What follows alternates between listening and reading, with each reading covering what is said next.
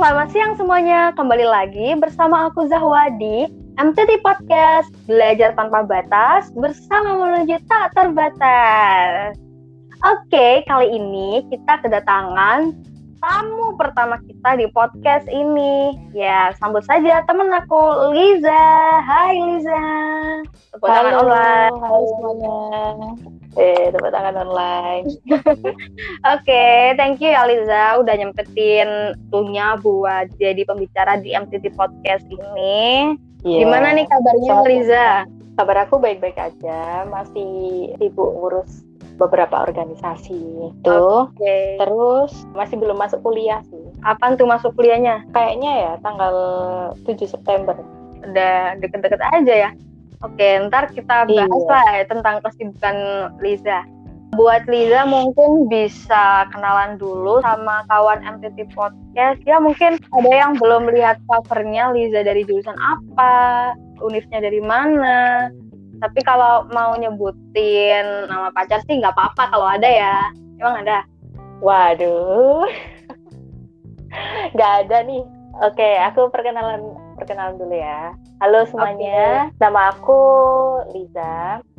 Aku mahasiswa semester 3 di Universitas Airlangga di jurusan D3 Keselamatan dan Kesehatan Kerja. Nah, aku kenal Jawa itu dari SMA sama SMP.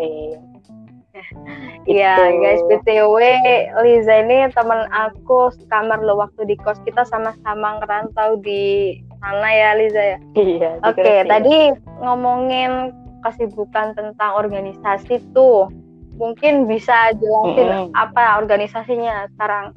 Kalau Hima, aku baru join itu sekitar 6 atau 7 bulan yang lalu di Maka Tiga sendiri itu pegang proker kuliah alumni. Di kuliah ikut Hima aja atau ada ikut yang lain-lain nih? Aku juga ikut UKM sinematografi. Rilis berapa film nih?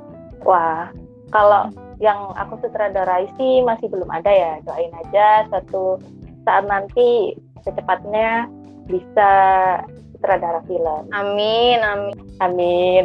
Cuma kemarin uh, sempat dipercaya sama teman-teman buat jadi menpro. Menpro itu pekerjaannya buat planning syuting tiap scene. Jadi kayak bikin jadwal gitu. Ini mumpung lagi bahas tentang organisasi di perkuliahan, sekalian aja kali ya kita bahas. Kalau K3 itu berarti khususnya itu himpunan gitu ya? Iya tapi kayak ada himpunan yang lain atau organisasi apa gitu yang lain di ketiga atau cuma hima aja? Kalau dari jurusanku sendiri itu mahasiswanya selain bisa ikut hima ketiga bisa juga ikut BLM Fakultas Vokasi bisa juga ikut BEM fakultas bisa juga BEM UNER. Jadi banyak sih pilihannya. Berarti kalau misalkan di K3 itu sendiri hima tapi ada yang lain tapi bedanya tingkatannya gitu ya? Ya yeah. oke. Okay. terus tadi sinematografi itu masuk ke UKM nah UKM itu apa? UKM sendiri kalau misalkan kita di SMA itu sama dengan ekstrakurikuler. UKM aduh kepanjangannya jangan sampai lupa nih apa? Unit kegiatan mahasiswa. Nah. UKM itu mahasiswa K3 aja atau gimana tuh kalau di UKM sinematografi kita itu bisa kenalan sama anak-anak fakultas lain. Jadi seluruh UNER itu bisa masuk ke UKM sinematografi. Dari berbagai jurusan bisa banget gitu ya? Iya, bisa banget, bisa banget.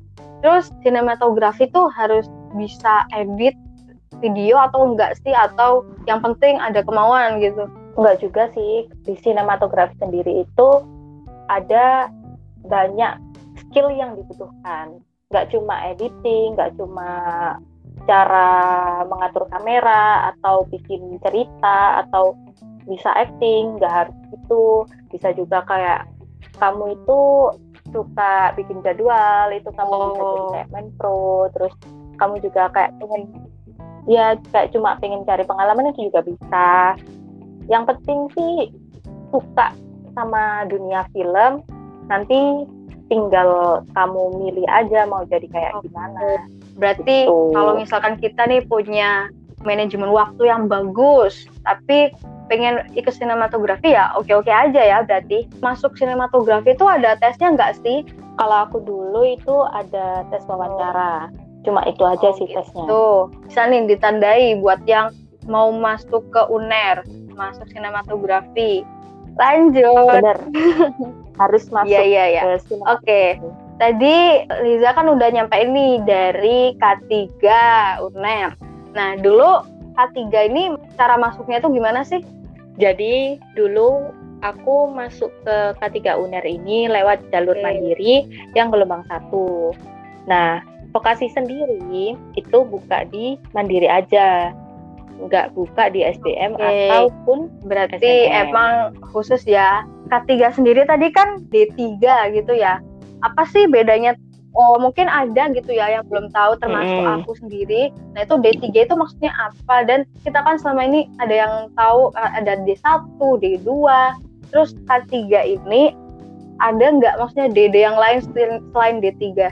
Nah D3 sendiri itu kepanjangannya diploma 3. Diploma itu jurusan atau perkuliahan untuk ahli media. Angkanya menunjukkan lama tempuh waktu kuliah.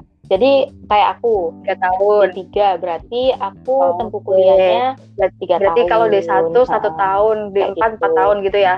Iya. K3 sendiri itu cuma ada di D3 atau ada yang lain?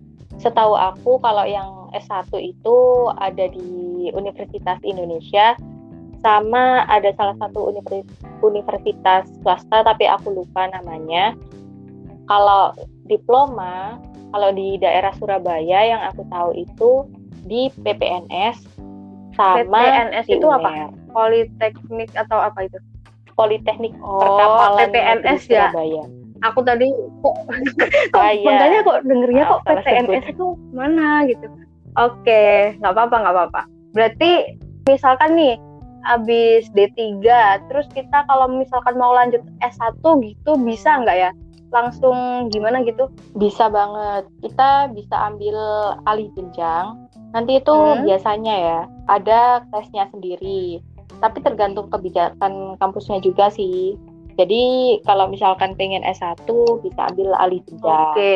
BTW tesnya itu kita tes lagi di SBM kayak UTBK gitu atau tes yang khusus alih jenjang ya gitu itu?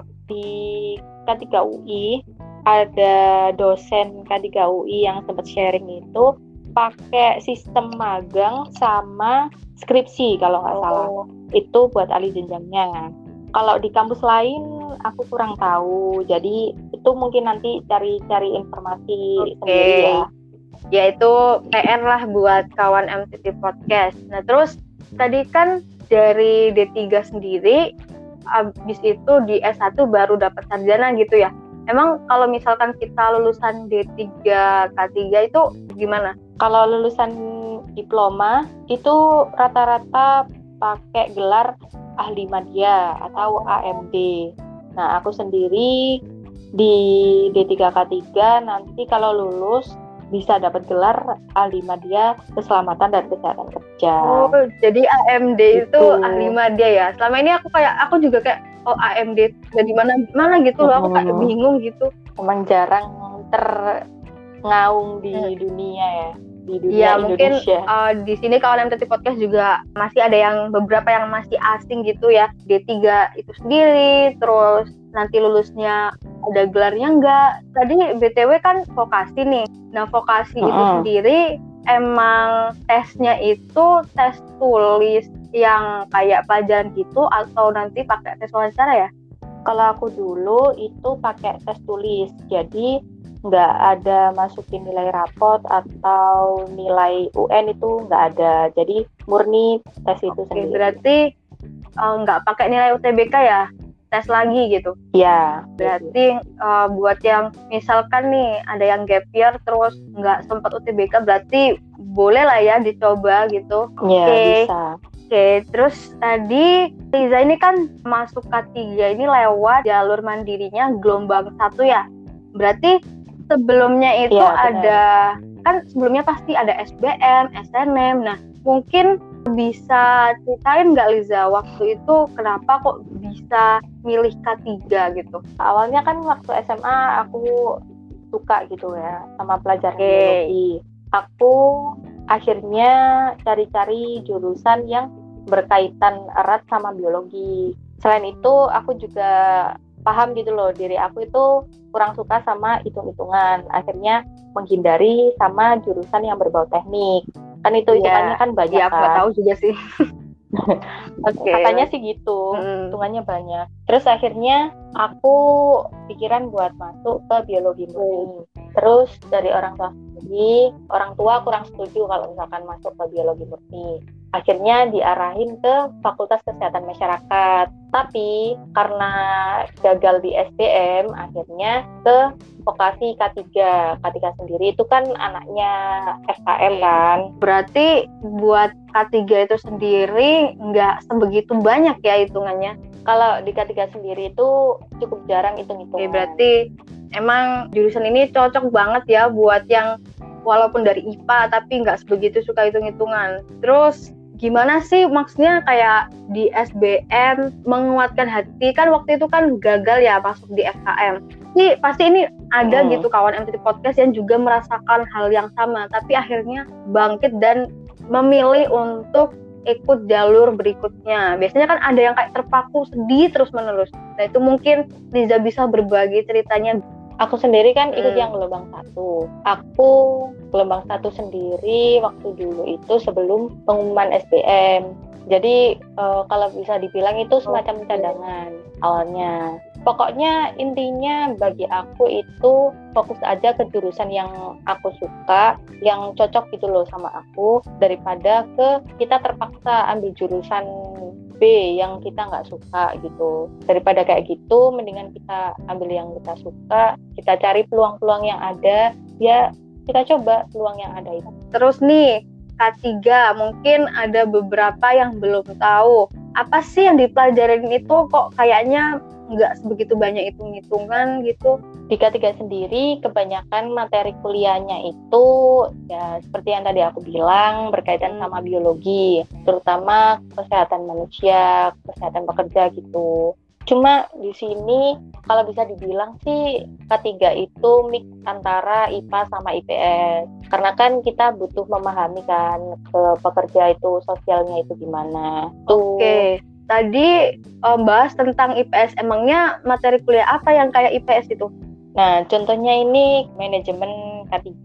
Itu kan manajemen kan identik sama ini sih apa hmm. sosum kan itu dimixkan sama ilmu dasar K3 oke okay. kita nggak bosan gitu ya ada IPA IPS lanjut nih oke okay.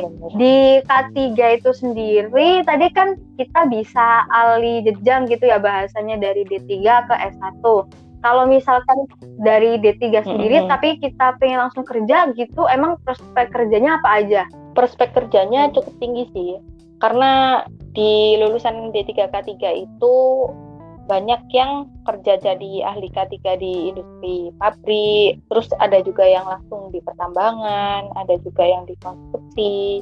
Berarti kita bisa jadi PNS nggak tuh? Kalau jadi PNS itu bisa sih masuk ke dinas ketenagakerjaan itu insya Allah bisa. Oke.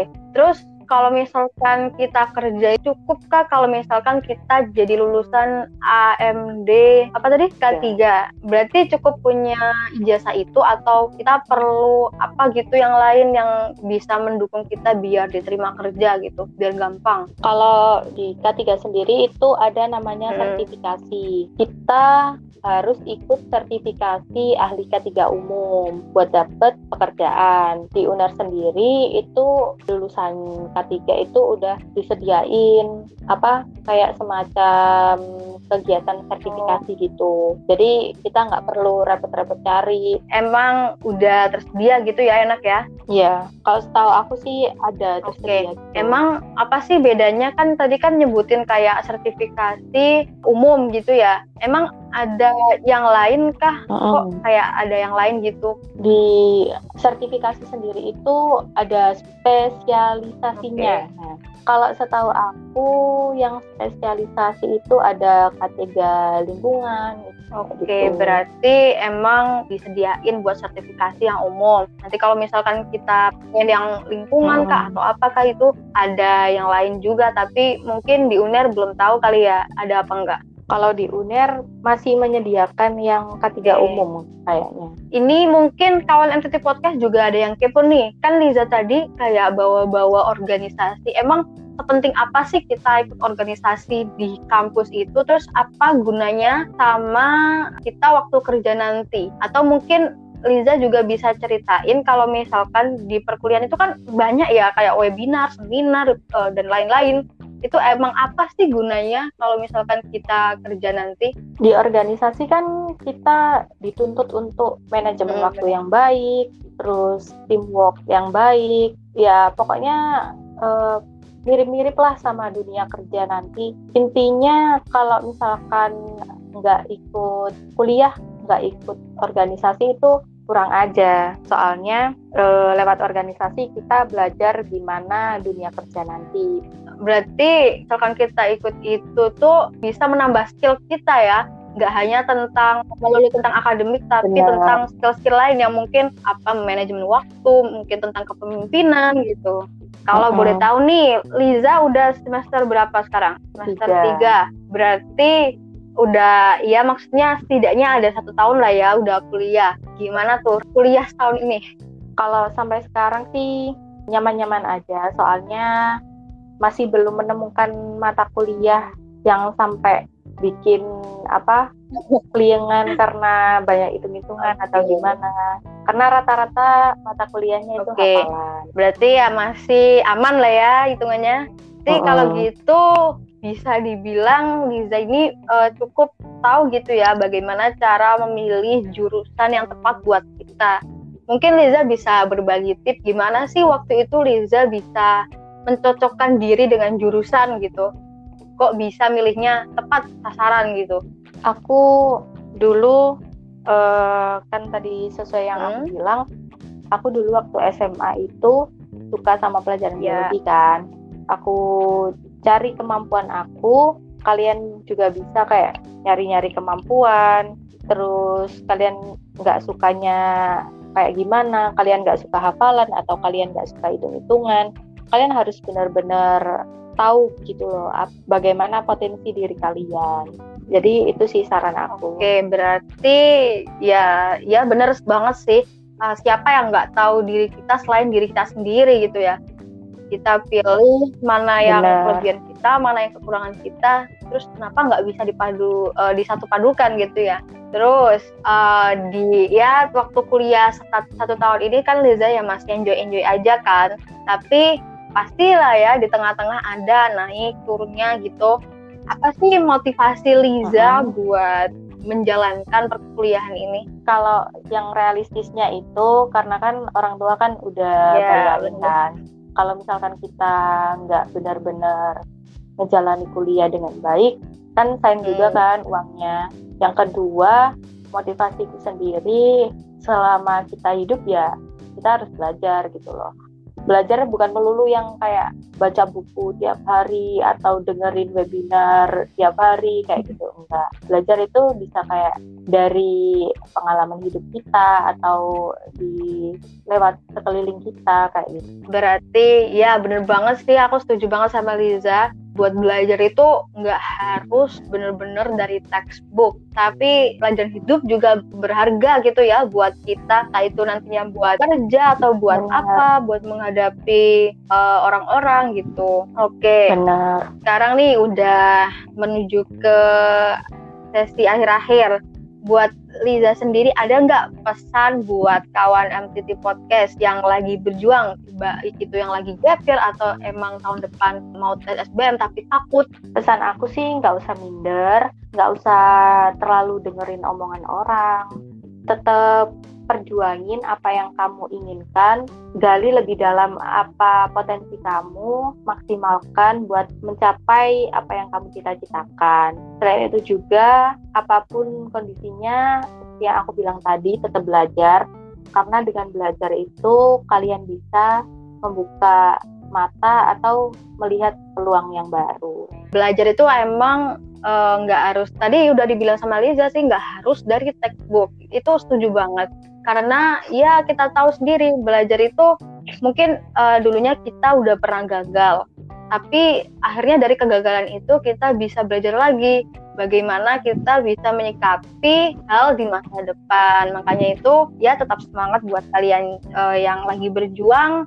Oh ya ini pertanyaan satu lagi nih tentang yeah. Ya. uh, MTT Podcast. Gimana menurut Liza? Apakah MTT Podcast ini bermanfaat? Menurut aku MTT Podcast ini bermanfaat banget, terutama buat adik-adik yang masih SMA, terus buat teman-teman yang mungkin gap year, biar dapat pandangan gimana sih kehidupan kampus per jurusan itu.